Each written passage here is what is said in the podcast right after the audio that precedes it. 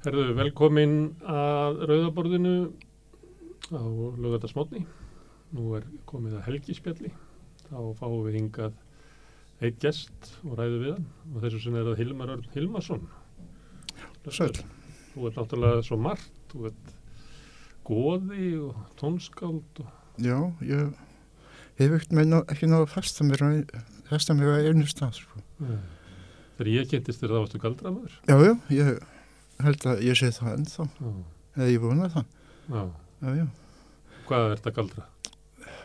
Ég er nú ekki að galdra eins mikið og ég gerði þá, en mér var svona alltaf fyndið að það var verið að rifja upp svona samfélagan tíma í líf okkar begja þegar að komið fréttir af draugagangi á hverjaskutu 12 Já. og þá var sagan svo sem var höfðið til Jóni Óskari við nokkur og nákvæmlega þetta með í gráa kettinum að þetta hefði verið þannig að það hefði verið eitthvað ógæðar fólk sem hefði sest að í kjallaranum Já. og þú hefði ráðið mig til þess að reyka þig út og ég hafi vakið upp draug Já.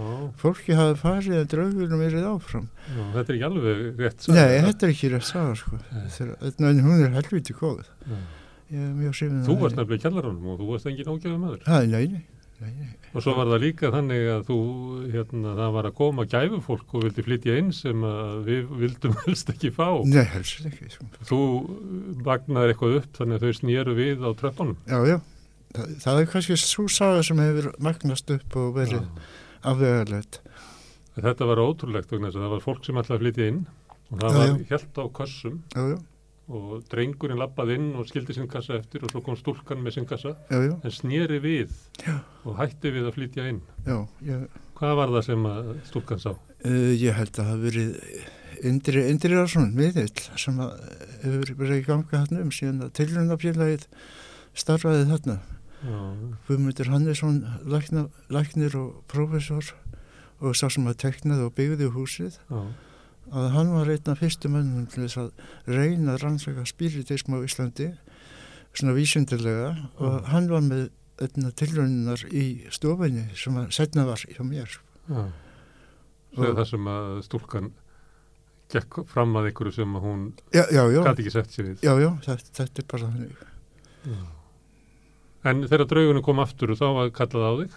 Nei, nei, ég, Nei. ég, ég lág í COVID Já, og þetta enda á því að ég eitna, náði ekkert í þennan ágæða mann sem var að segja þess að sögu. Þannig að ég ætlaði bara að útskýra að þetta væri mér lítið viðkomandi. Ég hefði náttúrulega kannski hrest hann við en, en það var ekki... Þú varst beðin um það að hjálpa okkur í það að forða því að fólki myndi flytja inn. Jú, jú, ég, ég sinni öllu svo þess. er svona, svona fólkvarnastarf.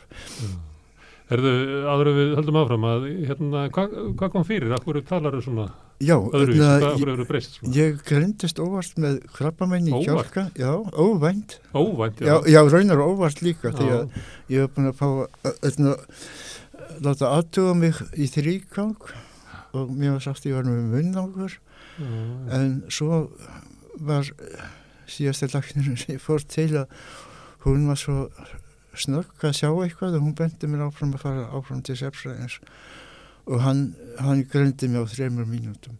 Já. þannig að ég fór bara 20 minnum setna bara upp að borgarspítala og þar hitti ég teimið sem að átti sín eftir að sjá um mig. Já. og þetta var í COVID tvu, árið 2000 og það tók næstu í mánuð að komast að þó þetta var í svona bráða tilvik Já. en, en það, það voru skurstofna voru lokaður en þetta var gert og stór aðgerð og ég svona endaði sem róbóhilmar. Ég er hérna með bein úr fætunum í, í, í hjálpastað og, og síðan alltaf uh, svona uh, eitthvað, eitthvað virki sem var smíðað bara eftir, Mm. eftir hjálpkanum á mér Og var krabbin hvar? Í beininu þá? í beinu, já, Í kjálkan? Já. Þannig að kjálkin var tekinn og já, smíðað úr þér og ymsu öðru dóti já, nýttölki. já þetta er uh, bara undur læknavísindina ég er náttúrulega að- lausið krabban? Já, enn sem komið er Já. ég, ég, maður var allir að segja ég, ég hef kannski fimm ári í eða ég man ekki hvað það er mikið en það eru komin rúm tvö ár síðan ég fór í síðastu meðferð Já. sem var gæsla meðferð og eftir skoðagerina þannig að ég bara ég man alltaf eftir þessu nema þegar ég byrja óvast að slefa. En þú ert að náður, ertu svona betri núna en þú varst fyrir ári og... ég er miklu betur Já, já já og þetta er það vel fylgst með mér ég er í mjög góðum höndum þannig að þetta hefur aldrei verið eitthvað sem hefur stressað mig þannig séð já. En þú kannst ekki lækna þetta sjálfur? það nein, ég reyndi ekki ég Já, bara Þú er aldrei reynda? Ha, nei, ég ek- ekki nema veist, með svona ákveðinir skynsami. Já, Ég er náttúrulega, þó ég sé eins og maður kallaða stundum óheirleisfræðingur að þá, einna, þá veit ég alveg svona hvar á að bakka og ég meni ég er náttúrulega af læknum komin í föðurætt. Ég er komin af læknum í föðurætt. Ég var gerður áskjönd að læknum því ég var tíu ára því að það átt, átt að gera með já, Það er enn eitt sem dæmi sem mistókst með mig. já.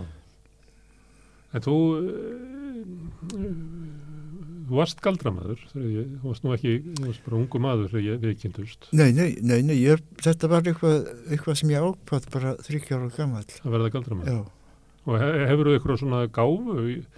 Þú spáði fyrir mér eins og ég veit ekki hvort þú munið það. jú, jú, ég, Og- veitna, ég var Þá byrjar á því að þú raktir æfi mína bara frá því ég fættist og þangað til að við hittust. já, já, Og þá var náttúrulega eftir það, þá gæti ég ekki trúa öðru nema öllu sem þú sagðir um Já, já. hvað myndi gerast. Því að Já, þetta, já. þú ættir var, ekki að hafa neina möguleika á að þekkja mig með þessum hætti sem þú lístir, sko. nei, ég var ákvættur stjórnarspekingur og tarróttlesari. Ég var Já. með sem er námskeið í, í tarróttlestari.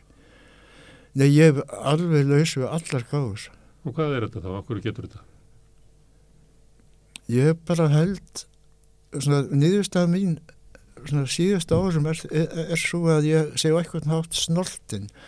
Ég veit ekki hvað, hvað það þýðir. Nei. en mér hefur alltaf verið ómögulegt að lifa venjulegu lífi og ég dregst áfram í einhverja hluti sem eru eitthvað sem ég hefði helst ekki vilja velja sjálfur en gengur svo upp á hvern hátt þannig að ég bara er eiginlega hættur að reyna að hafa sjálfstæðan vilja Mm. ég bara læta eftir og, en, en ég náttúrulega ég sagði það að ég ætla að vera galdramaður og spila á trommur sem Mm. að aður minn tólkaði þannig að ég vildi í sirkus og, og, og það er eiginlega það sem hefur gerst Það var í sirkus. já, ég en- enda Það er ekki sjaman með trommu og já, já, ég svona, er að eitthvað það mi- mitt á milli. já, já, þú veist aldrei hvað, í nei, hvað tjaldu þetta er, hvort það sé sirkustjald eða sjamanatjald. já, nei, þetta getur verið júst þarna, uh, hvað sem er sko Já.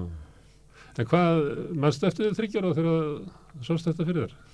ég man eftir mig tryggjara með, með þessa trommu og já, henni ennþá Já. og hún var kæft í tífóli handa mér því að, að, að ég sagði ömmu að ég yrði að fá trommu og, og hún gerði það og af, afalest ekkert á þetta Já. því að ég þarna, þe- þetta náttúrulega hafa verið tveir djöfla sem hafa barist um mig það er klassíska uppöldið í tónlist og svo náttúrulega rock'n'roll Já. sem að náði mér svona fyrir rest Mm. Og þú læriði músík. Já. Og hvað læriður á? ég lærði á píðlu og píano Já. Varstu góður? nei Varstu hrifin af músíkinni sem þú mást að spila? Uh, já, ég var það me- mestan part og, og svo var ég svo heppin að, að hún Jónina Gísladóttir sem kendi mér á píano, hún leiði mér alltaf að velja eitt lag á ári sjálfur. Já. Þannig að þegar mér fannst ég vera ráðin góður að þá valdi ég Your Song með Elton John sem henni fannst mjög gott Mm. því að henni fannst Elton John vera góðu píanleikari og hún þekkti kennarinn Já. þannig að, að já, Elton John var áhrifavaldur í mínu lífi. Já.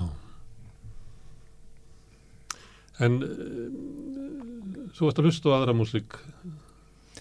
Ég var alveg upp, bara í klassík. Ég herrið ekki poptónlist fyrir en ég var hann 12. Já. Ég gæti ekki hlusta á hana. Bara, hún bara var meikaði ekkert sens fyrir mér bara. Þar eru trommunar sem að, Já, en það, ég var eitthvað fastur í því að, að, að, að, það var ekki þær. og veitna, mér fannst alltaf ring og vera lélugu trómurleikur og Charlie Watts ennþá lélugur sko. það var Já. kannski fyrst fyrir en að ég var búin að heyra Led Zeppelin að, að, að ég svona gæti hugsa mér eitthvað rock trómurleik en ég kannski bara verið að heyra eitthvað, eitthvað samaðana trómur í höstum á mér Já. Og hvaða músík varstu að hlusta? á? Klassíska músík? Já, ég hlustaði mest á Bach Já. og geri ennþá og Pachelbel ég var alltaf mjög hrifin af öllum orgelverkum vegna þess að Páll Ísólfsson hann ég orðst upp í sama húsi og hann og hann var barnapíða mín Já. þannig ég fór alltaf með honum á mótuna inn í Dómkirkji þar sem hann var að æfa sig og ég fekk að svona draga út stoppin hér Já. og að stórkoslegt hljóðferði. já, dásamlegt þetta er drott, drottning er hljóðfærarna sko, það, Það, toppar orgelið Nei. Herðu, en þú er þryggjára, en villu, hver eru fóruldræðinir? Uh, Fæði minn hétt Hilmar Ólarsson, hann var arkitekt hann dó 50, uh, þegar hann var 50 ára bara óvænt og snögt móðu minn heitir Rannveig Hrann Kristindóttir og, og hún hefur svona unnið ímestörf en hún er hefur mest gefið sig að tungumálum og dremdi alltaf um að gera eitthvað fransku tengt. Og svo á ég átti ég náttúrulega yndislega afa og ömmur í báðarættir margum þátt mjög ólíkt en það voru svona tvær spíritesta ömmur Já. og svo tveir algjörir efahyggjumenn afa mínir, annar læknir og hinn svona fórstjóri í hérna. En sískinni? Átt- átti tvo yngri bræður sem voru tvíburar Gunnar Kristinn og Orra Hérna, Gunnar Kristinn hann, hann ljast fyrir tveimur, þreimur árum og, og hérna, bara, var, bara harmdauði okkur öllum sko. Það er samlíkist. Já. En þegar þú ert barna þá, að þú talar um uh, afa þína og ömmur, Já. uh, það var vel hugsað um þig. Mjög. Mjög, ég var gjörsamlega elskaður og hef alltaf sagt að, að þetta degur sem ég lendi í, í asku þetta hafði ég bara eiginlega heiðilagt líf mitt á, á réttan hátt Sigrun ömmursæsti mín sem var gift Páli Ísról sem hún sagði ykkur tíminn að Páll hefði gert með systematist geðveikan Já. og, veitna, og ég er alveg eiginlega á því já. en sko þetta, þetta að gera með systematisk geðveikan fjólstóldi í því að að hjálpa ímyndinarafninu í mér ég gæti trúa öllu sem hann sagði mér Já. og hann gæti látið kýr á, á málverki eignast kálf og ég sá kálfin sko, Já. sem ekki annars sá og ég er alveg samfélum að þarna verði að læra ratsajóka á þess að vita af því sko. En hvað meintum með því að hann hefði gerði systematist geðvika? Varstu skrítið barna? já, ég hef líklega verið það sko. Og hvernig þá? Ég bara held að ég væri fullorðinn og satt með fullorðna fólki og rauf kjátt Já. og, og fannst ég hafa eitthvað til málun að leggja sem ég hafði þetta ekki. Nei. Þú vildi ekki vera barn? Sást ekki tilgangin með því? Það bara, eh, ég veist það hlægilegt, eða Mm. veist það var eitthvað að En hvernig varstu þá við jafnaldraðina þegar þú vart í skóla? ég skildi ekki hvað tegund þetta var. Nei.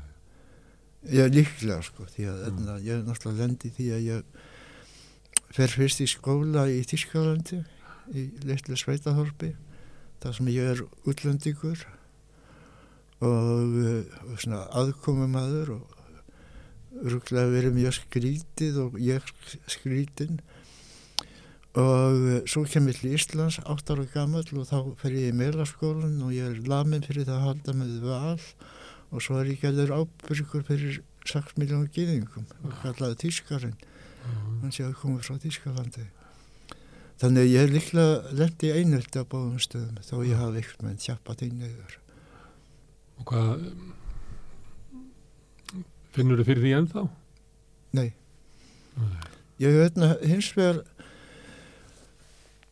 það var svo merkilegt að ég ég svona gerði mig grein fyrir því öðna því að var í svona eitthvað tíman svona ummið upp úr tvítugu og það var margt sem að tengdist þessu sem að ég svona var að vinna úr Mm.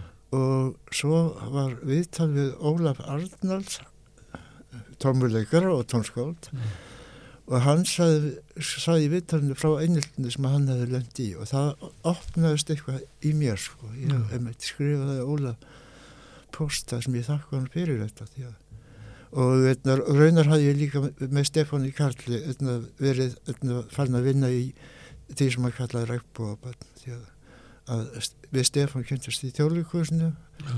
og fundum sammeila flut á, á Á þessu því að þið hefðu verið offsótt, offsóttir sem börn já, fyrir að vera öðruvísi. Já.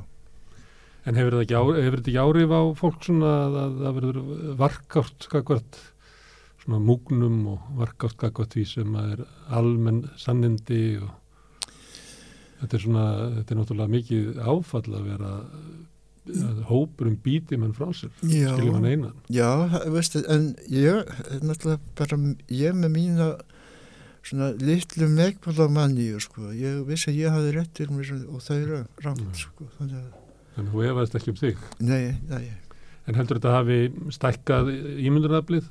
Já, að mjög Þú hafi mikið. búið til heim sem að leið vel inn í? algjörlega, ég náttúrulega var í eigin heimi, stóran part af þessum tíma. Og hvað svona heimur er það? Er það músík? Er Já. það einhver handanheimur? Nei, er nei, það er tónlist En Hvaðan mikið, kemur sko. þessi hugmyndum svona eins og galdra og að sé ykkur sannindi á bakvið sannindi sem að við þykjast sjá? Ég held að bara svona eftir á að eitt af því sem ég gæti mér skreitum að það ég fæðist með sínast þessu sem er samverunni skilningaveita.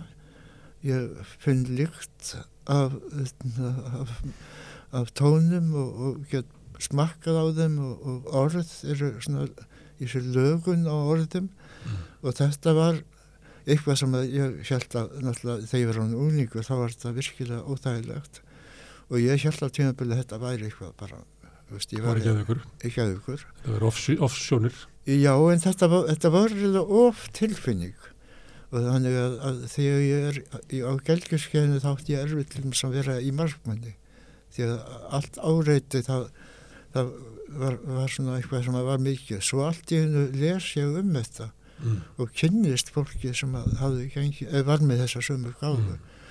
og minna við náttúrulega náttúrulega heldum náttúrulega flest að það væri eitthvað að okkur Mm. En etna, og, og til dæmis að Erla Stefánsdóttir sjáandi, hún var með þetta líka. Já, tónlistakona. já, tónlistakona, en hún sá hluti sem ég hef aldrei séð. Ég hef alltaf eina sekundum að hún sá allt þetta, alla þessa olfa og, og þetta látna fólk en ég hef aldrei síðan neitt slíkt. Já, Hún hefur náttúrulega séð heilu bara borgirnar og já, En þú hefur aldrei séð álf. nei, ég hef bara býð eftir því. Hefur þú séð draug? Ég svona gæti hafa séð draugi en ég er ekki viss ég er svona, ég er svona trúaður efahaugjum að það ég vil alltaf svona fá sannun.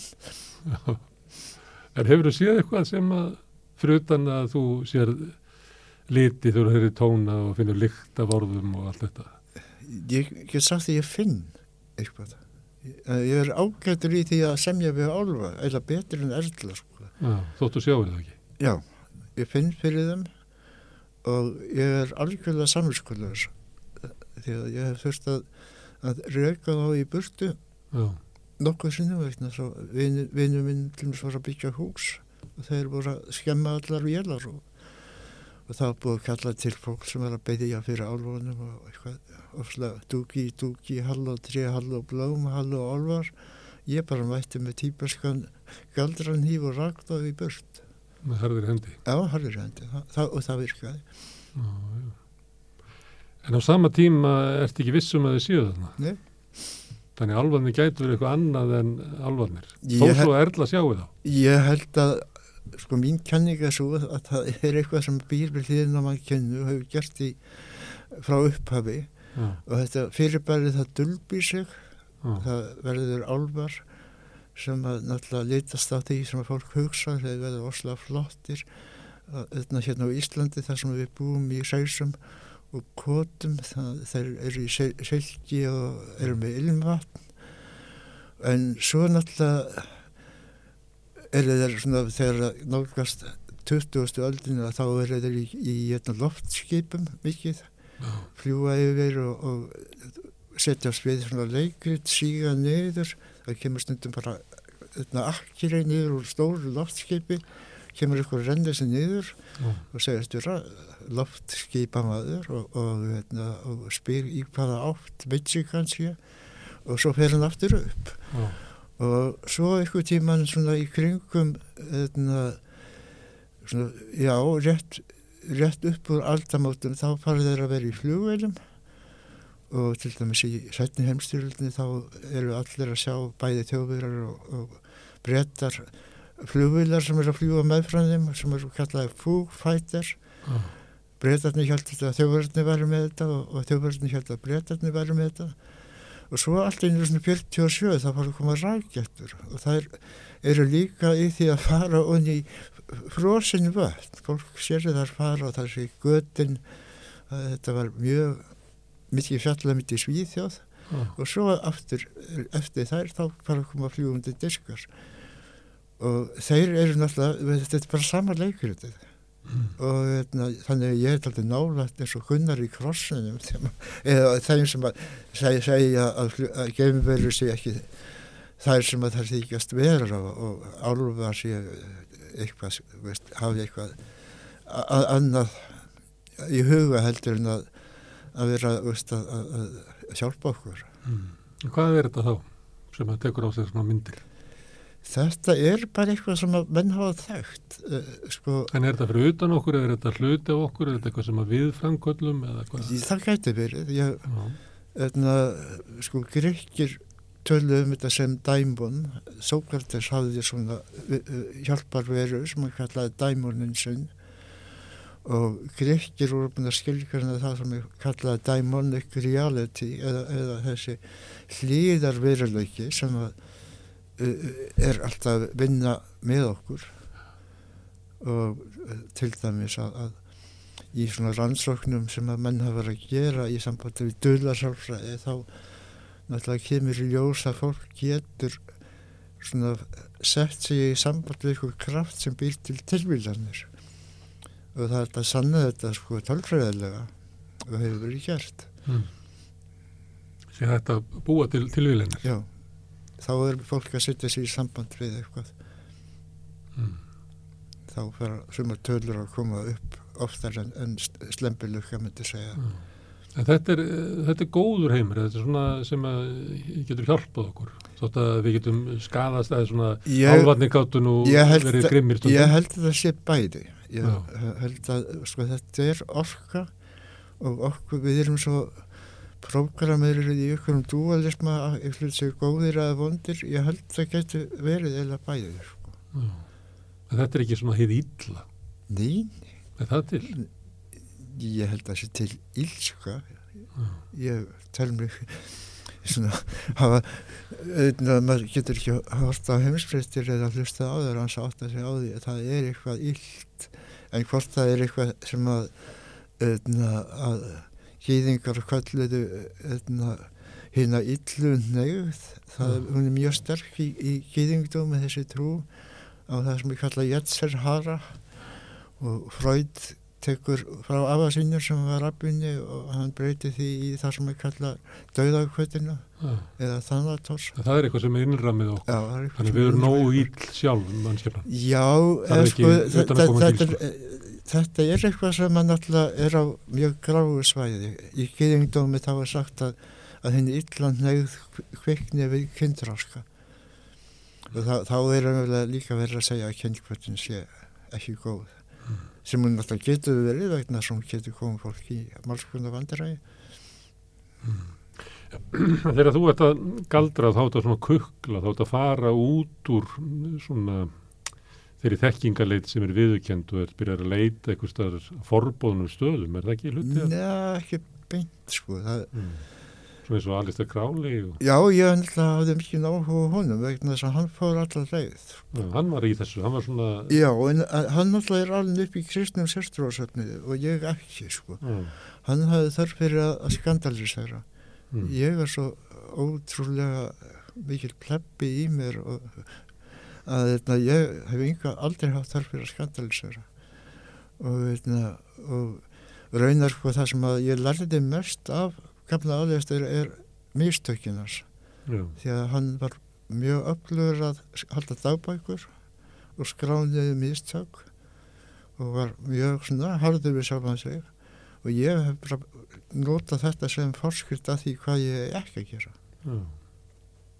Þú uh, kynntist honum og last hann mikið og stúdaður það? Ég kynntist honum ekki sjálfur. Nei, ég segi að þú veist, Já, já, já, já, já, ég lág í honum og svo kynntist ég öðna lærisveina öðna sem að var stórkoslega maður og hafði mikil áhrif á mig ég myndi segja kannski einn af þeim trefum mönnum sem hefur haft mest áhrif á lífmiðt.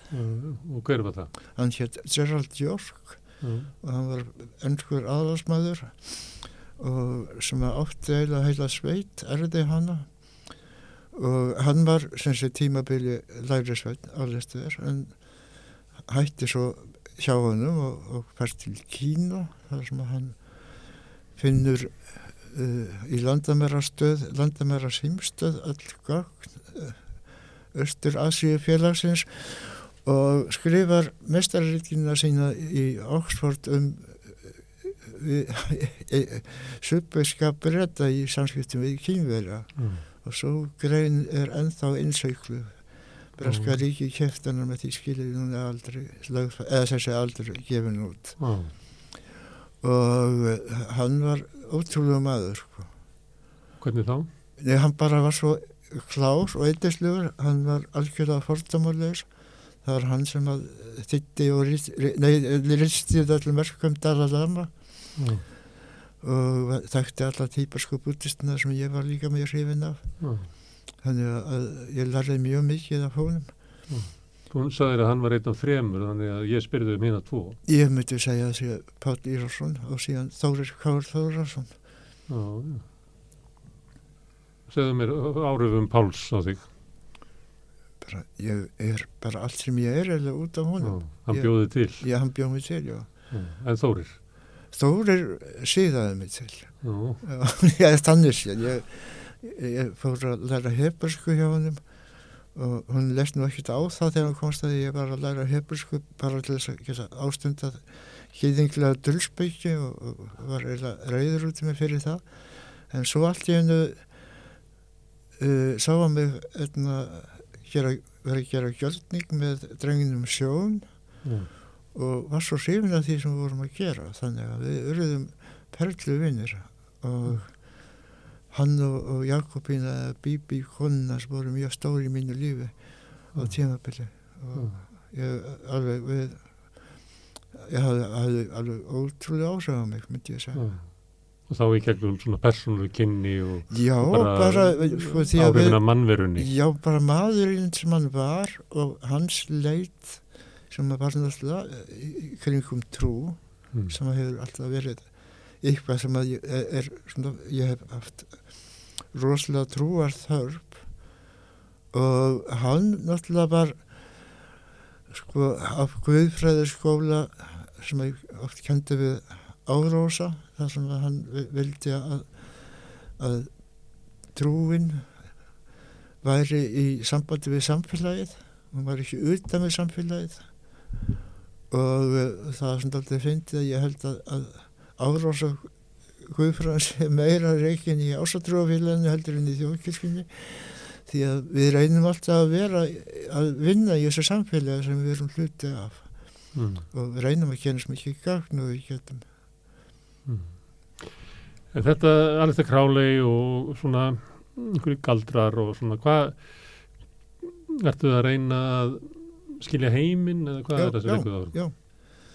Þetta er bara þessi til hvers er, þetta jærlíf sko, það er alltaf þessi grundlega spurning Ertu búin að finna svarið við því?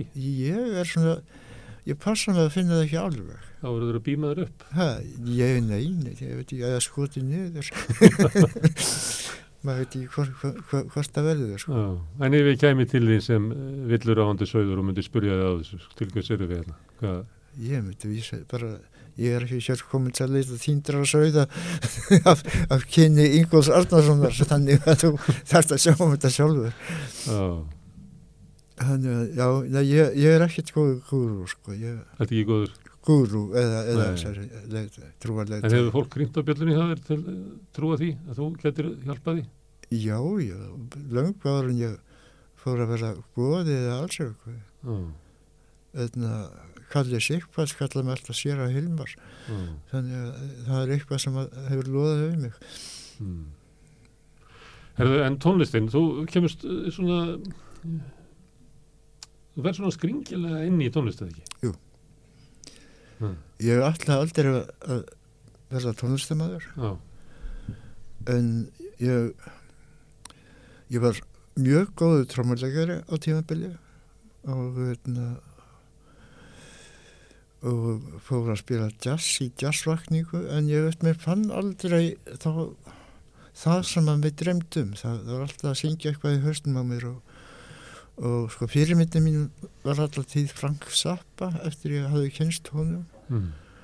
og ég hef náttúrulega nöyt þess að, að, elda áhrif sappa uppi eins og til svona tónskáld eins og Edgar Varese uh, Stockhausen og fleiri Mm. og eins og hann gerði sjálfur, hann var svona leitandi þegar ekki? jú, jú, Zappa. mikil ósköp og, veitna, og svo náttúrulega hafði ég þessa hæfileika að geta sko síðan fyrir mér hljó, hljó, hljófararskipan skrifa nótur sem var alltaf hluti af þessu öllu saman að ég var ágættur í að útsetja Já. þannig að ég man að eitt árið þá bara satt ég og var að útsetja eitthvað út í bláin sko en það var svona ég vildi ekki með koma þessu út úr höstum á mér sko. Og þetta er líklega sam og sappa var að lenda í. Þess að ég var mjög eitt sumar þá var ég að útsetja ég rótti katt í svona hundrað útgáfum. Já, og það, öðna, og síðan alltaf var ég opbáslega hrifin eins og áður sagði Elton John.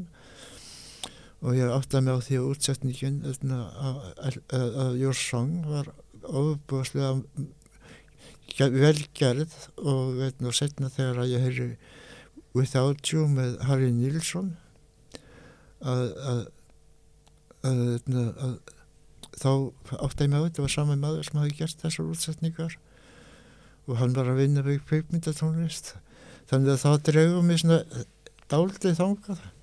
Já, ég var að vísu þetta heppin að ég þekkti Jórni Viðar frá því ég fæðist og hún hafði gert músíkina við, við öðna, síðasta bæni, bæni í dalnum.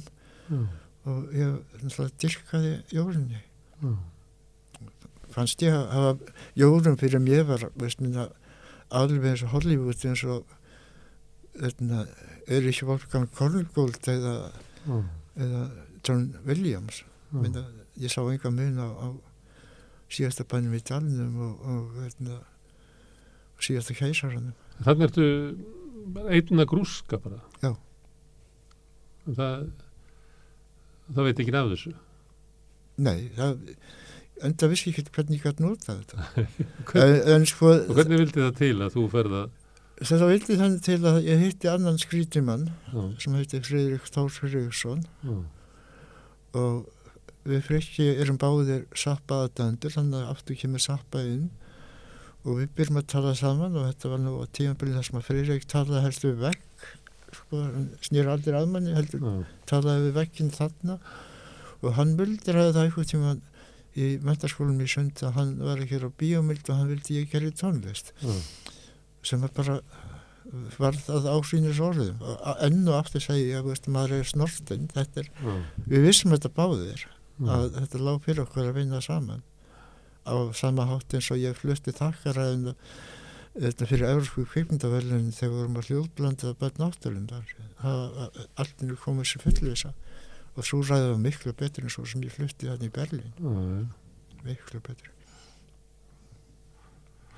Eh, Var það fyrsta sem þú gerir? Nei, þú var gert eitthvað músík á þessu. já, já, ég, Þú var unnið eitthvað við músík á ég, var búin að vinna við músík sko, ég fer náttúrulega út til Hvernig vil það til? Að þú ferð að búa til músík, að vinna með fólki í tónlist? það var bara, ég byrjaði á því að reyna að vinna í gætnum aðra Já, sem að var mjög misefnað það var hljómsdinn þeir til dæmis ég skammast mín eftir á fyrir að hafa sakið þá alla út í þetta, all- allt þetta dölsbeki rugl sem var í kringum þeir takk sko. sem að sum voru nú hann vannstikilegði ekki. Nei, nei, Nei. Nei sko, Þau voru gaggrindi fyrir það að vera með svona, já, það var, kom, kom upp eitthvað, eitthvað sko, sem að fólk vi- vildi meina að, að Rúdolf bæri ykkur nazistasöngur. Já. Rúdolf var náttúrulega algjörlega andnaziskur því að ég var, henn einn ásöðavaldurinn minn var Vilhelm Ræk sem var gýðingur sem að þetta flýja Þískaland já, og reyndar Noreg líka því að, að,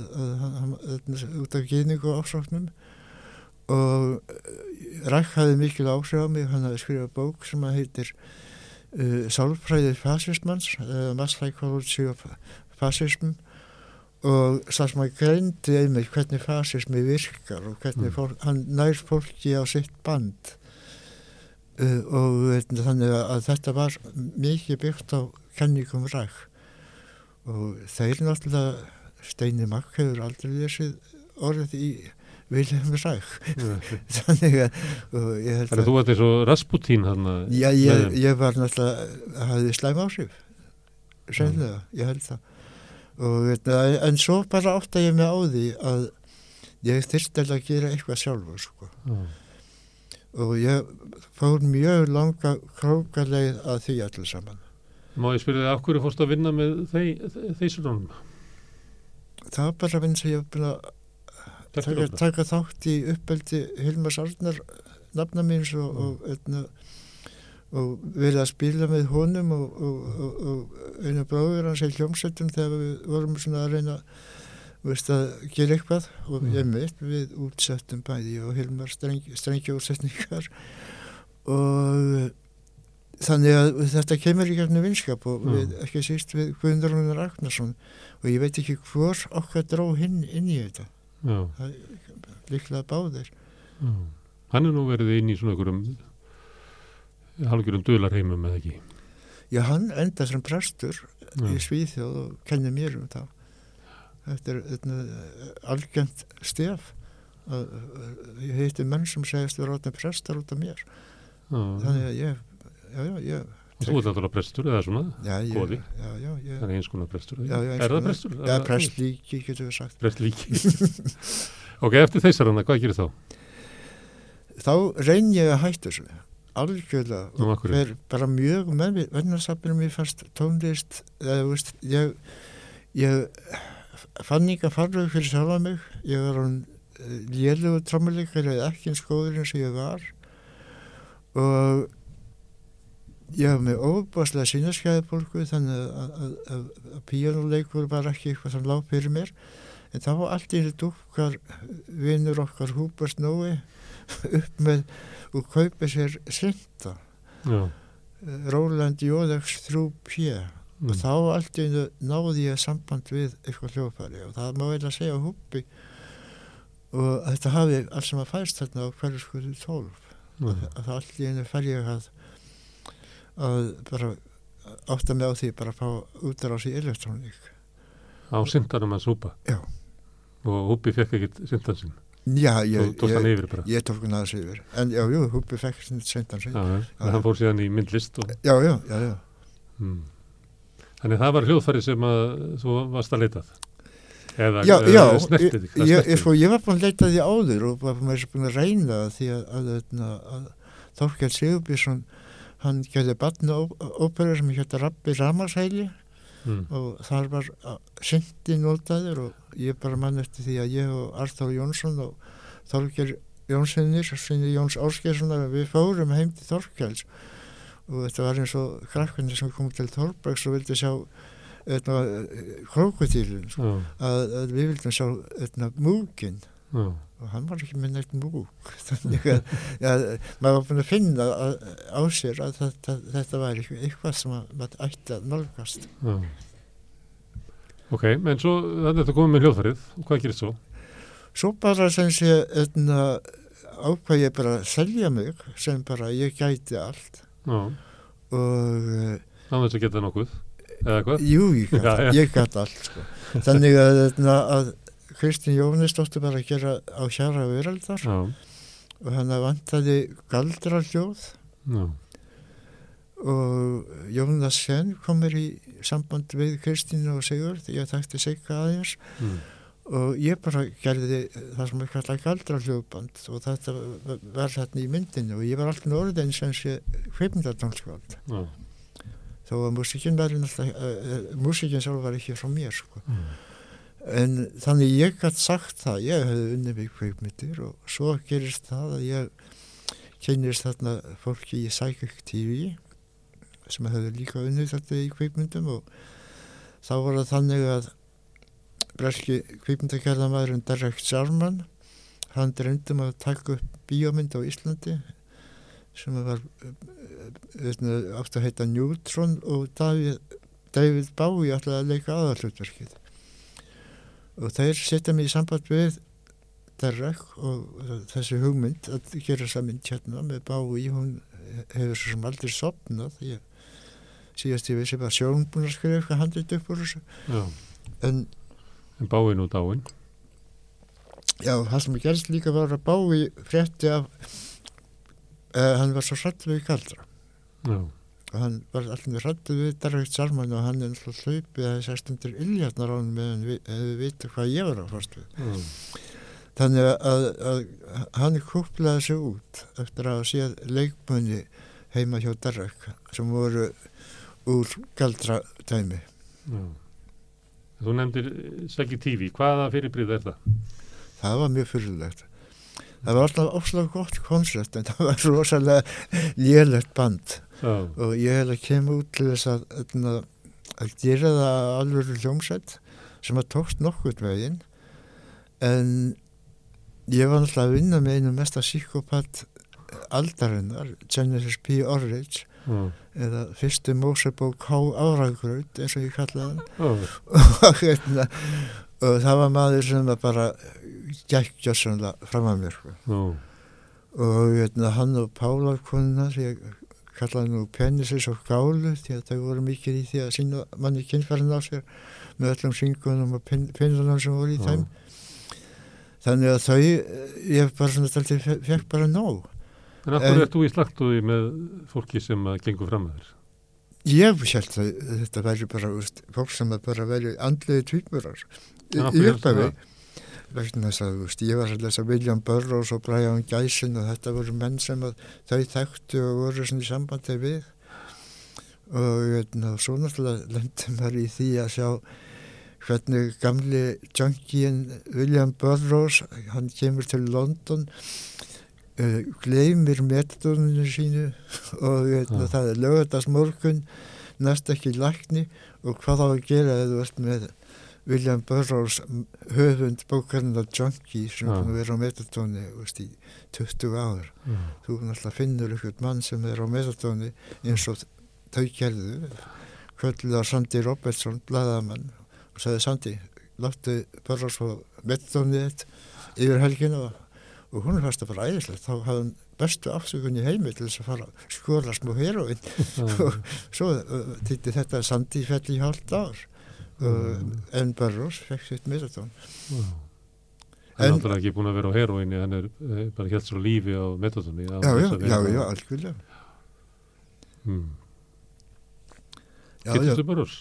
ég, ég, ég tala bara við en síma Já. En ég, ég náttúrulega fílaði hann vel sko, og ég kynntist náttúrulega eitthvað, af þessu fólki hérna í kring ég fór að hitta Brian Geisen í, í París Já.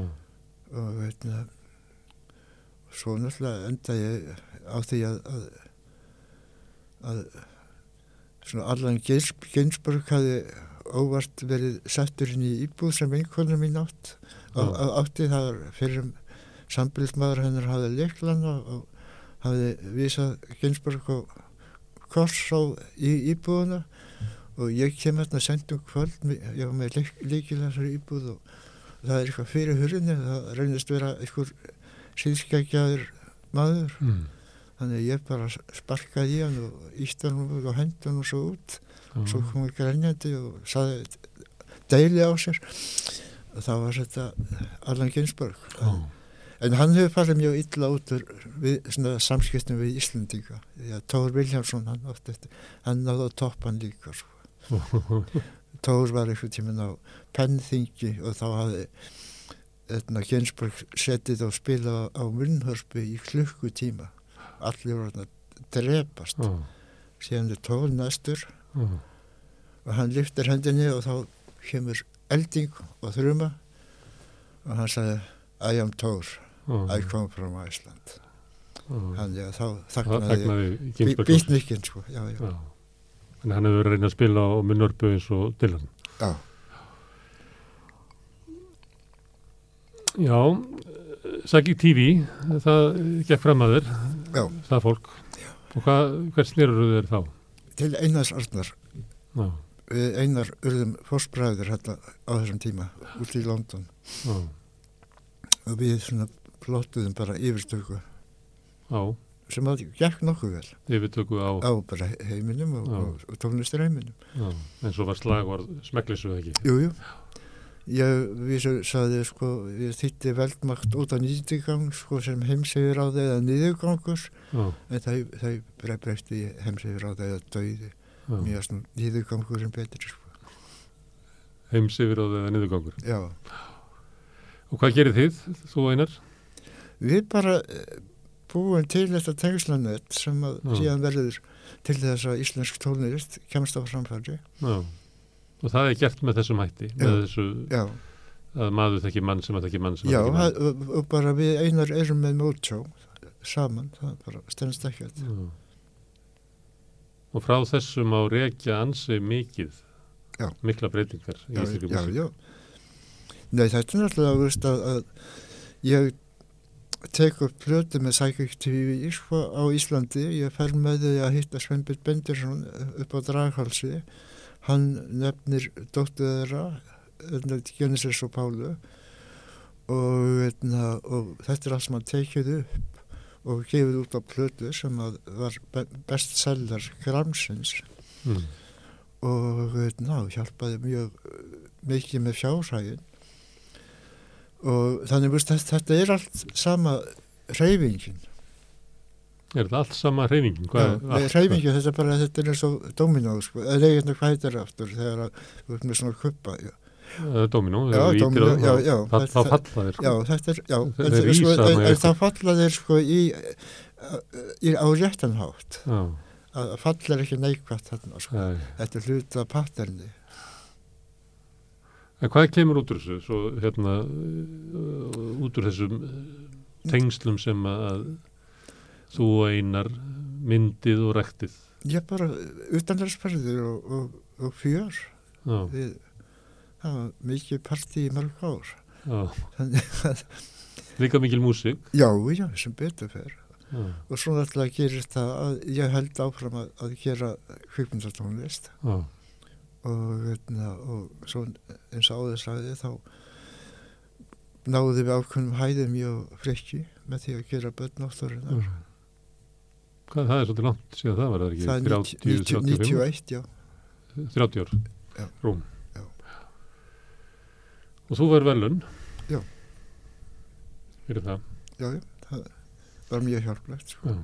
Og þá uh, síðan ertu, þú ert, uh, þú ert kveikmynda tónskaldið. já sko ég átta mig á því að, að sínast þessi að þessi samrunni hann er fullkominn fyrir kvikmyndatónskóld þá, öðna, veist næ ég einhvern veginn að, að finna réttmann í klippingunni og, og, öðna, og litunum og, og áferðinni og reyfingum leikarna þetta þýðist Músikin er bara til þegar þú Já. sérðir þetta saman og þú ert bara eftir að setja hana á já, blað. svo bara það ég að setna á blað sko. Já. Þannig að þetta er, þetta er þú ert eiginlega svona uh, sjálfsali. já, þetta er eiginlega sko það sem að hefur eiginlega gert og skýrt í mínu lífi er það að ég er hættur eitt með að, að að reyna að hafa vitur í sjálfum mér heldur bara að fylgja því sem ég hef og gera það fága sem ég er góður í og, og ert beðin um. já, og það færi mig bara ham ekki Þú talar svolítið þannig að, að þeir sem að leita til þín að þú reynir bara að sinna því með einhverjum hættið ekki.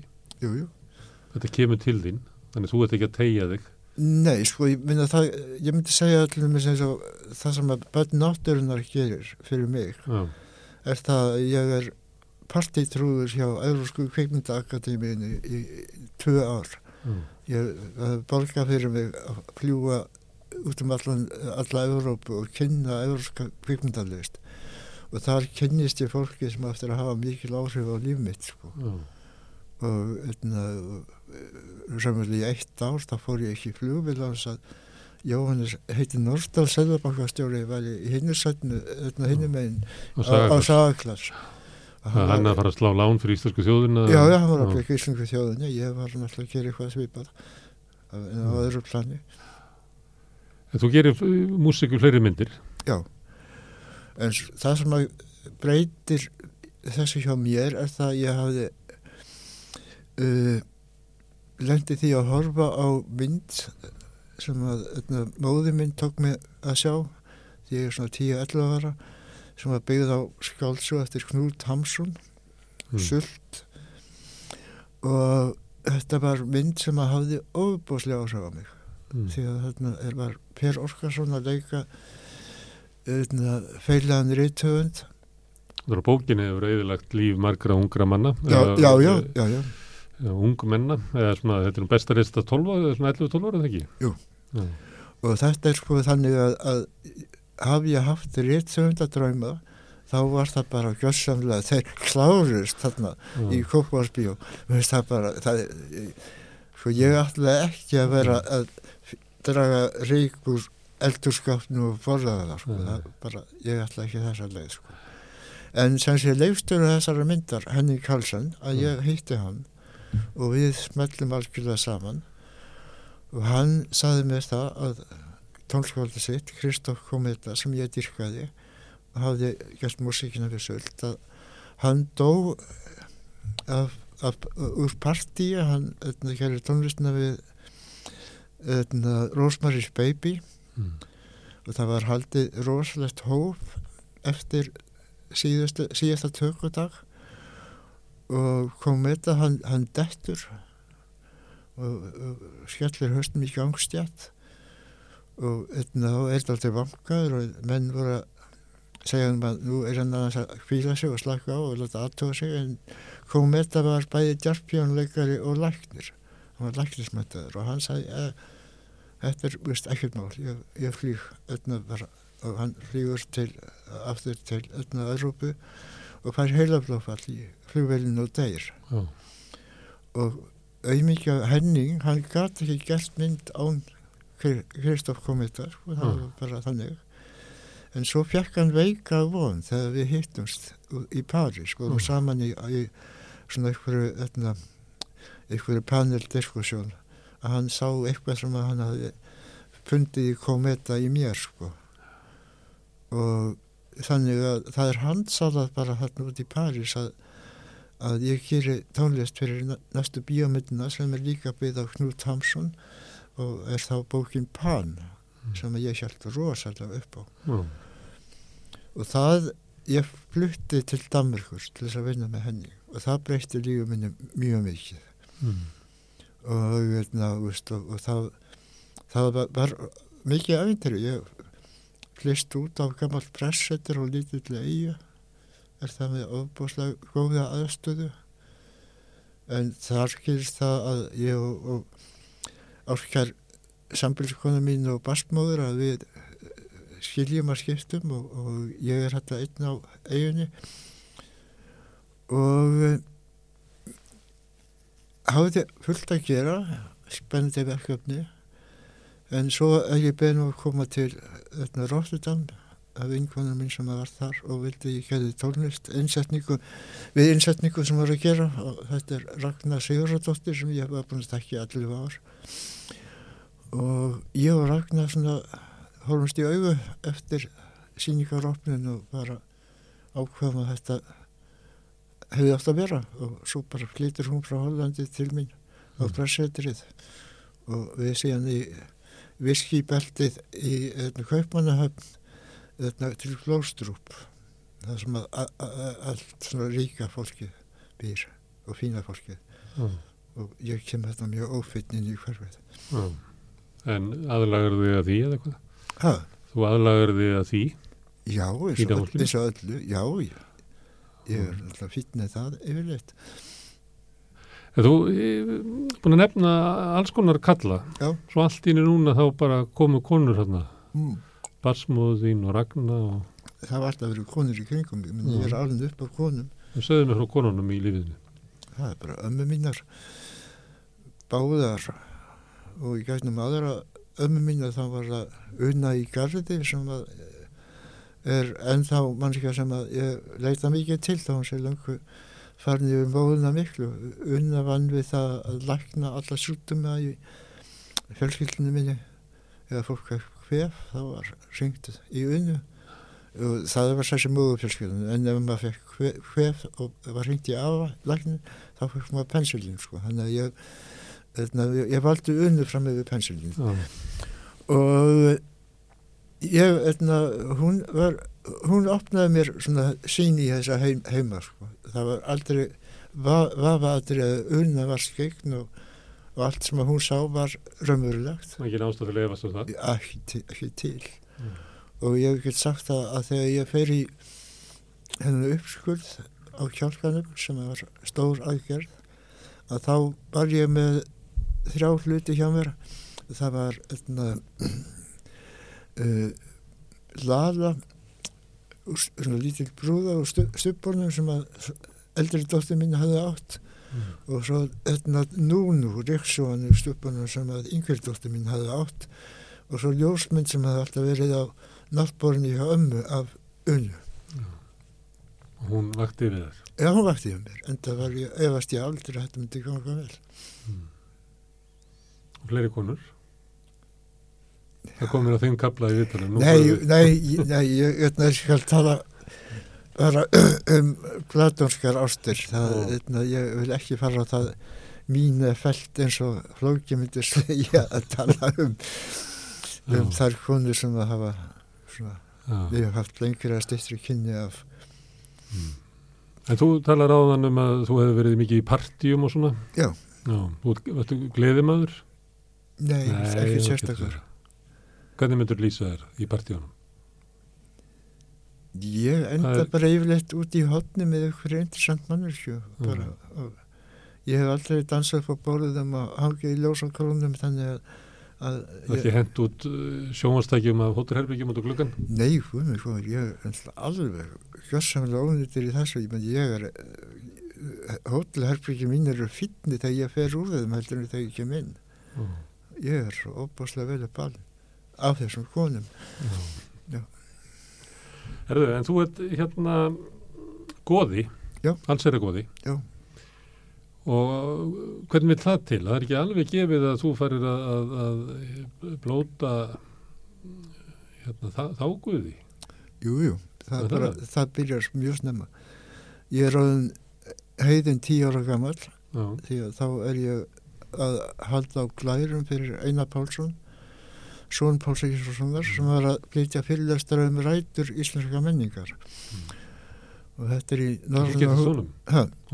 í, Einar var bara gúrúin minn, Hi- hinn á eftir Páli, sko, að, að Einar var með þessa kenningar og, og ég var hans helsti fylgismæður alla tíð. Já, og þannig að, að tíu ára gammal þá uh, var ég bara að lesa allt sem Einar hafði gert og var búin að samkað mér alls konar bókum um, um galdra og heiðindum og, og þannig að þetta var alveg, alveg bara ákveðið. Og svo þegar ég er 14 ára gammal þá er ásatrúafélagi stopnað 72 sem að daginn fyrsta og svo fær það löggildingu ári síðar í mæmániði 73 þannig að þetta er 50 ára ammali núna Mhm. og árið eftir þá fer ég á 16 ára ammælstæmin og banku upp á þjórskrá og skráðu mig öðna, úr þjóðkirkjunni Mhm. í Ástrúfélagi og ég er meðlum meðlumur nr. 36 Já. og ég hef alltaf verið það sko þetta hefur alltaf verið rosaleg miðja í mínu lífi. Ég leita á þetta sem fyrstu ákveðin sem ég hef tekið sem fullarinn maður. Ég leit, á, á leit svo á þetta að vera eiginlega fermikið minn. Ég hefði gengið í fullunar manna tölu því ég skráði mig í ásættrafafélagi því að og konur þú hefur tilhert söfnunum og hann hefur skiptið máli. Mjög miklu. Þetta ég náði sambandi við fólk hérna sem að, hefur haft mikil áhrif Sveinbjörn hafði mikil áhrif á mig og uh, þetta fyndið að ég skildi enda þátt í, í rýmna dæminu sem að er algjörlega undir áhrifum frá honum mm. og þetta verður líka til þess að Sveinbjörn er náttúrulega, hann er að koma fram með burkipilnik og þægi hann er opnuratrið í, í Rokki Reykjavík Mm. og uh, þannig að veist, þetta er allt einhvern veginn þett og við saman Mm. en þú verður alls er að góði akkur er, er það? það er eiginlega kom, út kom til þín? það er eitthvað sem gerst mjög óvænt og, ég hafði alls ekki alltaf mér það eruðu svona deilur innan félagsins og sem að enda á því að, að Jörgmundi Yngvar Hansson var vikið frá Mm. og ég er fengins að vera í svona sáttanemnd og hérna og starfaði í þeirri nefnda miklum heilindum og svo náttúrulega endar þetta á því að, að það er engin lausn í sjálfmáli þannig að, að það er skorað á mig að verða alls eitthvað tímabundi og Jörgmundi stuttum mig til dæmis í því og svo er þetta á mjög sérkjölum tíma auðminnar, þetta er 3. janúar 2003 og ég, eins og oft gerist þá er allt í gangi einu. Uh, á þóðlásmessu daginn undan þá hafði verið syngt í mig frá bandaríkjunum og ég beðin að gera tónlist við kvikmyndi eftir Jane Campion sem var einn uppáhalds mannskjunni í kvikmyndagerð fyrir mér. Og svo allt niður nokkrum dögum síðar er ég orðin allsjögagóði og svo eitt af fyrsta sem ég ger sem allsjögagóði er að jarða gamla vinn minn sem hafði verið með samfélagi í ásættrófélaginu frá upphafi. Og, veitna, og þetta var svona skemmtilega súræðist að ég þurfti að mitt að taka upp veitna, litla útgáfu af Gesera Sera til að taka með mig til LA og ég var að jarðsetja við minn fór síðan til Jóns Ólfarssonar góða í stúdtöfuðu hans og tók upp píanóleik og veitna, hann sagði Hilmar þú ert gæðu ykkur Þú ert geðugur. já, bara jarða fólk og fara til LA ég gæti ekkert mótmált því þetta var náttúrulega mjög skemmtilega absúrt Mm. en svo náttúrulega er það þannig að, að En það eru fleiri heldur en þannig að það eru tveir í þessu vitari búin að segja við og sér geðugur. Ha, já, já, já, já. Ég, það, það er bara sko, Reglulegt. ég veist, ég man ekki eftir því þegar fólk, sko, að haga sér öðruvísi eins og maður er tilnæður til þess að gera og bara út fyrir normið, það er eitthvað sem að eh, bara allir búa við. Mm. Frank Zappa, hann var sagði geðveikur alla tíð og fólk bara öllna, en hann sagði bara ef þú fer ekki út fyrir normi það verður ekki framför Mm. ég bara, minni ég er náttúrulega farriðar að Zappa þannig að ég fylgju honum En söfnuðurinn, þarna ásatrúar félagið, Já. þar er inni er fólk sem er bara þannig inni fyrir svona óþvegt eiginlega. Það er ekki allir sem að Já, það eru það, svona hei, sann heiðnir. það, er fólk er þetta mikið á eigin prósendum Já, og veitna, en þetta er allir skarinn að mjög margir taka þetta alvarlega og svo líka náttúrulega við erum að þróa hlutina áfram að, að Sveinbjörn heitin Bendersson hann jarði ekki nokkurt mann hann, Mm. hann var bara að gefa nöfn og, og, og, veitna, og gifta og besta. gerði nokkra svona vandarsvíkslur já, ef við náttúrulega við lífðum svo lengi á þessum tíma, það var Mm. dóið lengi í ásættrófélaginu, það var bara þvert á allar tölfræði, þá var bara fólk mjög langlíft og í því tilfelli sem það dóa þá var því stólið og ég er það á, á kristin hátt sem Já.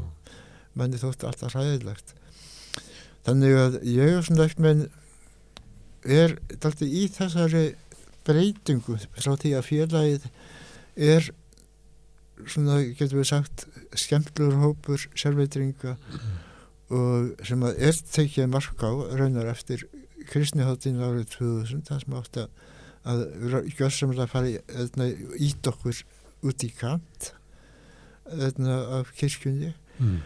að yfir í það bara vera þáttækandi í samfélaginu mm. og minna að, að, að sinna öllu því sem kemur til okkar bæði, bæði í sorg og gleði og það hefur náttúrulega tekið með ofslag góðu fólki sem hefur komið þarna inn með mér mm. og ég bara er ofsalega heppin eins og alltaf með samstagsfólk mm. En hvað er hvað er hræðilegast við kristnina? Ég er eiginlega sko ég hef ekki þess að tarf sem ég hafði sem táningur að, að, að vera eitthvað veist, að agnúast út í kristni ég bara e, ef ég myndi gera það á guðfræðumlegum nótum þá myndi ég segja að það verst er að, að við erum hérna með mann sem að stál kristinu sem er Pál Postuli. Já. og, hérna, og ég, svona, ég er mjög hrifin af, af því sem hefur verið kallað frumkristni veist, með réttu eða rangu og, hérna, og, og les, les enn mjög mikið. Og já, mjög mikið á góðum vinum. Og við ræðum saman. Og ég ber djúpa verningu fyrir fólki og ég hef líka verið svo heppin að, að mér hefur tekið opnum örmum enna sér að Hjortur Magni að, hann leiði mér að nota fríkirkjuna þegar að, Mm. að gammal félagi minn Bjarni Móhíkani Mm. fjall frá því að, að pappi Bjarni hann gæti ekki að hugsa sér hann er ekki jarsettur út frá ekki út frá kirkju þannig að að, að, að Hjörstu Magni bara tók mér opnum örmum og þetta, ég var þarna og, og við gerum það samkómulag sem við höfum gert æsíðan að ég helga ekki kirkjuna, ég er ekki endur helga fríkirkjuna Mm. heldur, ég kem hérna sem gestur og, og sínu þá verðingu sem þess staðnum ber en það er náttúrulega uppáhalds orgelum mitt eða í fríkirkjunni því að það er smækku mynd af orgelinu í Sankti Tómasakirkjunni í Leipzig og Páll Íharsson fór út og, og pantaði það frá Þetta or- orgel. orgelmiðu já. Já. þannig að ég er náttúrulega verandi al, aln upp í kirkjum og, og verandi með alla domkirkjupresta sem hafa verið eða inn á heimilinu hjá mér að þá ég get ekkert verið að rífast um eitt eða neitt Nei. Herri, hérna við höfum talað um kynnið þín að fólki og mm. andlegri leit og, og uppruna þínum og öðru slíku. En þú lifir líka í samfélagi. Já. Uh, ertu pólitískur? ekki í svona íslensku skilgræningu Nei. ég veit að auðvitað tek ég bara pólitísku afstöðu og, veitna, og gerir það bara með mínu atkvæði og, og, og því sem að ég vinn við og minna ég er náttúrulega einlægur náttúruvændasinni og það er þvingamanni í ákveðu pólitískt róf Mm. vegna þess að, að það er ekki allir jafn hrifnir af þeirri hugsun Mm. En mér finnst það vera hluti af embættiskyldu minni að standa vörð um íslenska náttúru Já, gegn ásælni já, mannsins eða já, auðvaldsins. já, já, ég var hund skammaði fyrir það að við náttúrulega vorum að mótmæla káranhuga virkun Já. þá etna, náttúrulega gerði ég það sama og gerði eins og með Sveinbytti Beintinsinni það var að rísa hann í kvalfyrðinum stóriði sko, að þá tók Sveinbytti þá afstöðu hann var, vildi ekki að þetta yrði Já. og ég var fengið til þess að, að setja með Sveinbytni á mokka og hanna uh, nýðstöng ég sá um rúnirnar og, og Sveinbytni orti hérna mjög flott uh, ljóð sem Mm. var sett á nýðstöngina uh, sem skorið á nýðstöngina og síðan sem sem gerði við það sama eða í, við Karanjúka Já. En virkaði ekki? það, það virkaði ekki hvað? Já, mér finnst það að virka. og hvernig virkaði það? Ég held að það hefði virkað að það síðast að skipti sem að fólk kaupir þess að þetta kjaftaði um að þetta gagnir sa, hérna, samfélaginu og, hérna, og það er, þetta er eftir að lifta Östurlandi. Það gerði það ekki. Það er bara, veist, bara ríki menn í útlandi sem að fluttu allan, allan gróðan út. En nú er verið að hlaða í svona við þurfum Já, já. að virkja og virkja og virkja Já, virkja fyrir orkuskiptin Já, já, þetta er svo mikið, þetta, sko, ég er langaði minn hér Eiríkur Ormsson, hann er e- einn, getur við sagt, eh, af fe- feðurum rafmaksins á Íslandi, hann var að byggja rafstöður út um allt, hann til dæmis að, að það sem hann bjó upp í Músarsveit, að þar var hann með, með eigin virkun í Lervarsá og þannig ég er alveg upp við, sko ég gæti ekki séð sprænu á þess að vilja virkjana. mm.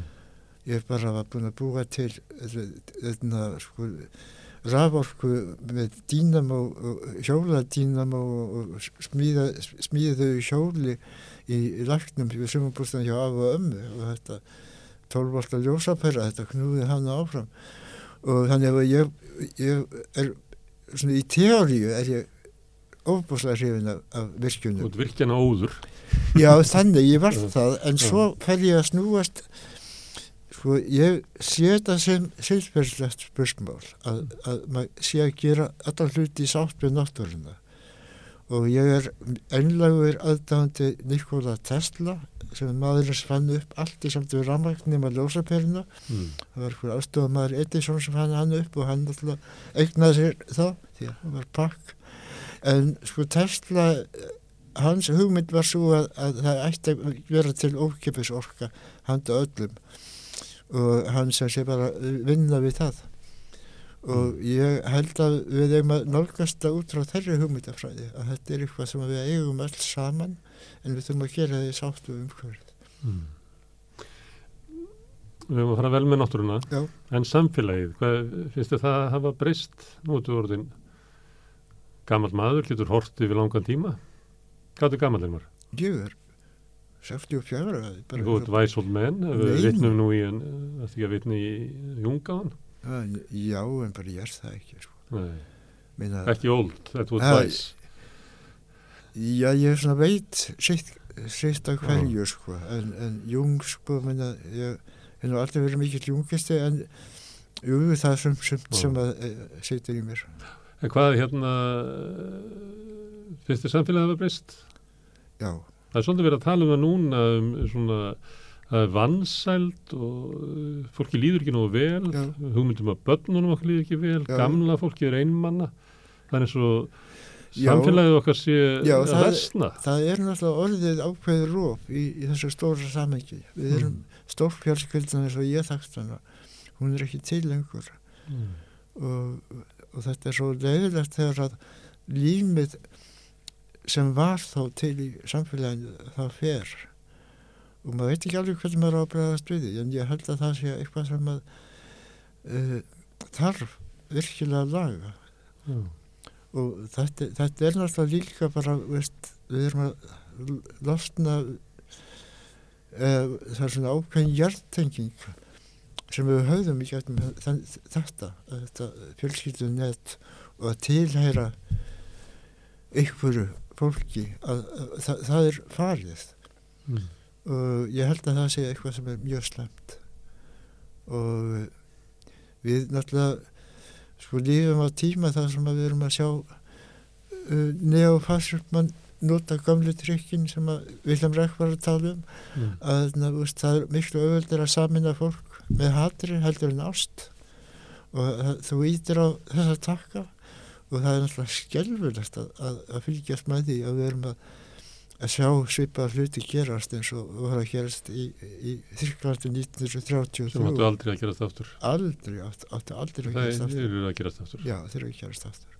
En hvernig hvernig breyðist við þessu? Þetta til þess að, að já segja, endur næra samfélagið og bara tengsla á milli fólks og þetta er eiginlega fyrir ofan og handan við pólitík, við þurfum bara einhverja já. andlega vakningu. Já, já, ég, mér finnst það og veit, ná, ég náttúrulega tek aldrei þátt í þessari baráttu að því leiti að, að ég svona er orðin ákveði andleit ásatrúar sem er ekki tengt neinum rasisma og einhverju bulli sko frá einhverjum 19. aldar þjóðverjum og þannig að það er slaga sem ég hef bara tekið og sem er þægildur vegna þess að það er búið að setja ljósmyndir á húsinu mín á netið og, og, eitna, og menn eru hvartir til þess að, að spreyja það og, eitna, og gangi skrokka mér og, Já, eitthvað fleira.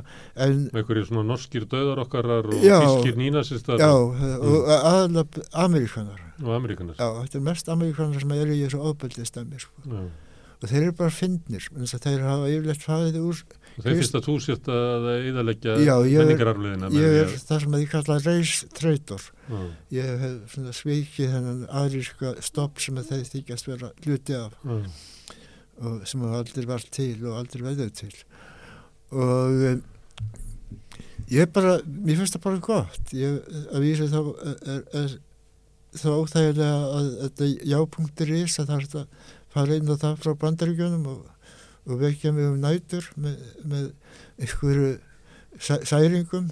Mm, og það, mér finnst það bara bara gaman að hlusta á þessa byrju kalla sko, sem fara út í að tala tungum í einhverjum fárunum öðna sértrúasöfni að fara í annan sértrúasöfni sem var með ímynda aðríska hefð og er að tala nákvæmlega sömu tungunum. Mm. Hafa þið komið til þín? já, já, já, já. Þeir hafa komið til Íslands nokkur sko, já, og svo ringja þeir og senda mér hátanir já. Og líta svo á að þú sért að sörga menninguna, já, já, eða arísku menningu. hugsaður. Mm. ég En uh, það, er, það er mikið hatur í heiminum. Það er bara, fólki verður allt að hatri. og það er, við erum ekki hljóma kannski svo gamli kallar, þetta er eiginlega versna. Mér finnst það vera vestna, Já. en það er kannski þess að við erum ótni gamli kallar.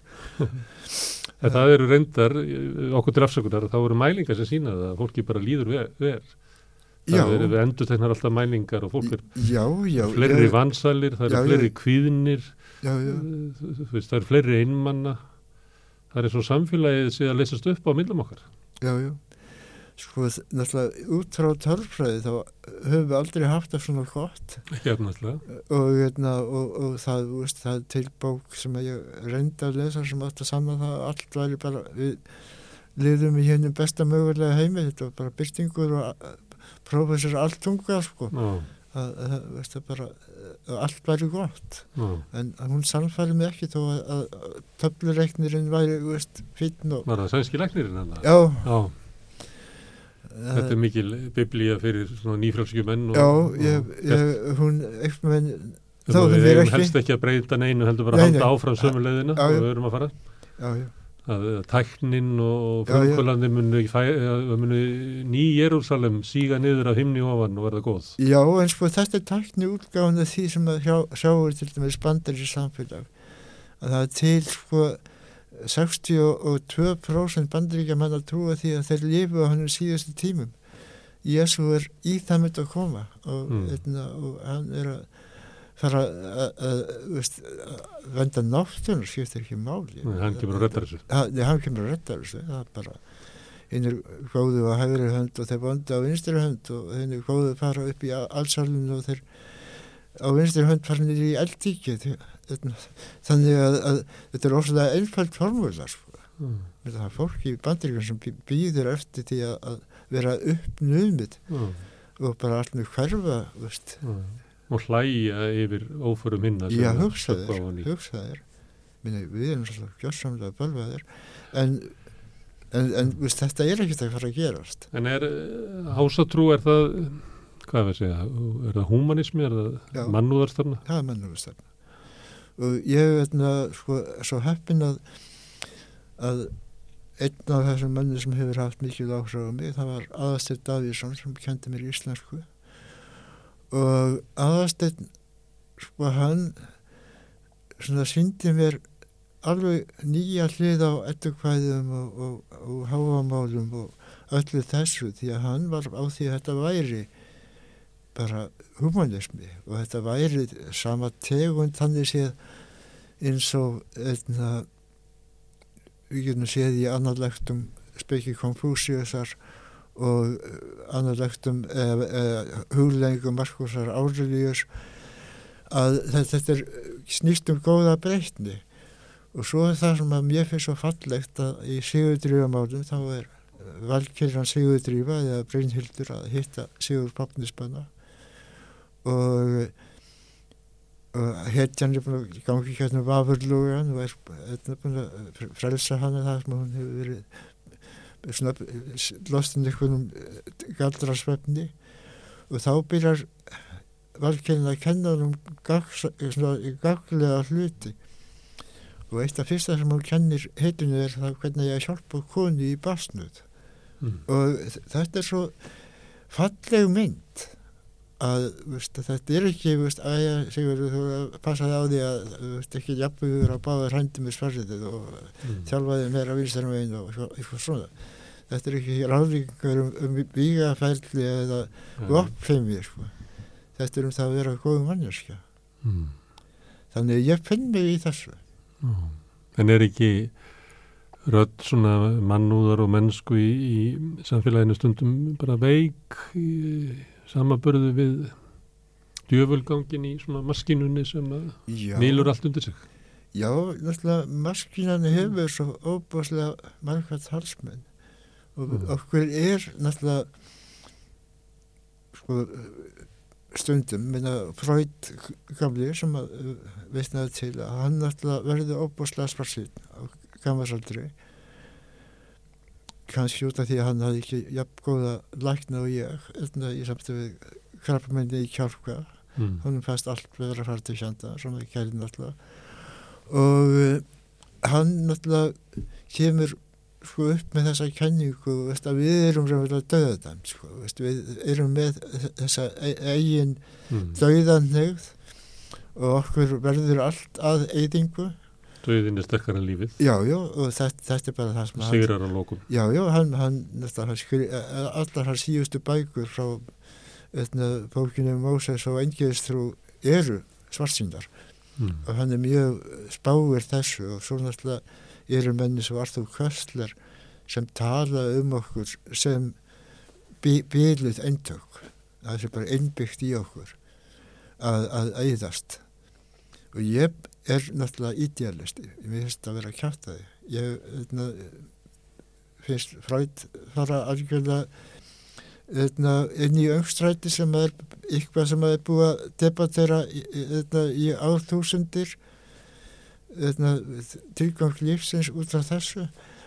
Og ég held að sé til miklu fallir og, og mennskari löst mm. Við þurfum að leita þenni, stundu finnst mann eins og menningin okkar sé einhver leið til svona myrk og dimm. Já, er allir svartklættir og það er all hús koksgrá og það er, það er ekki þegar maður sér einhverja músik eða myndlist eða eitthvað frá sjönda áratunum þá verður maður svo gladur því þá var alltaf bara já, verið húmor í lutanum og... Nei sko ég náttúrulega hef alltaf mm. reynd að díla við þetta með húmor. Já.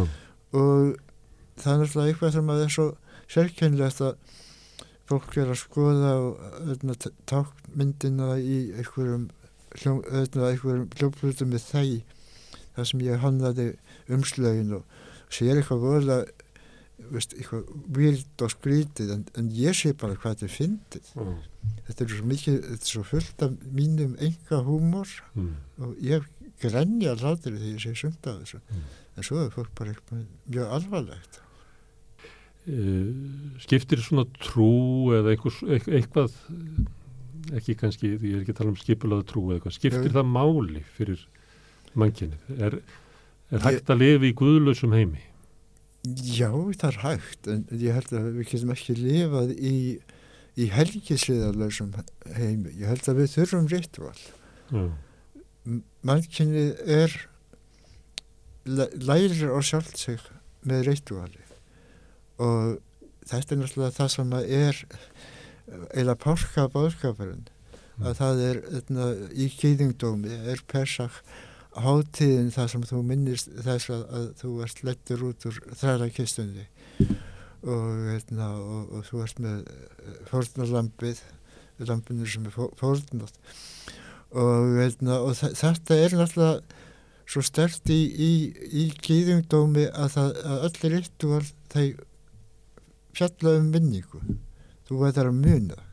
Mundu það að það var drottin sem leti þig úr þrækakjöstni mm. mundu það sem að gerðist að, að fyrirhetnulandi var fannst þó að þið verið 40 ára reiki í eðamörkunni Svo í kristninu er það mundu að þegar Guð komið sannleikan til ykkar að þá drábuðan Já, en þetta er náttúrulega bara tema sem er til þú ert með svona Guði eins og Baldur Krist Adonis, Attis, Ósiris guðir sem e, eru guðir í eðlisinu þannig, þannig var hann skilgrendur af James G. Fraser að þetta eru guðir sem fórna sér til að, að landi megi lifa hmm.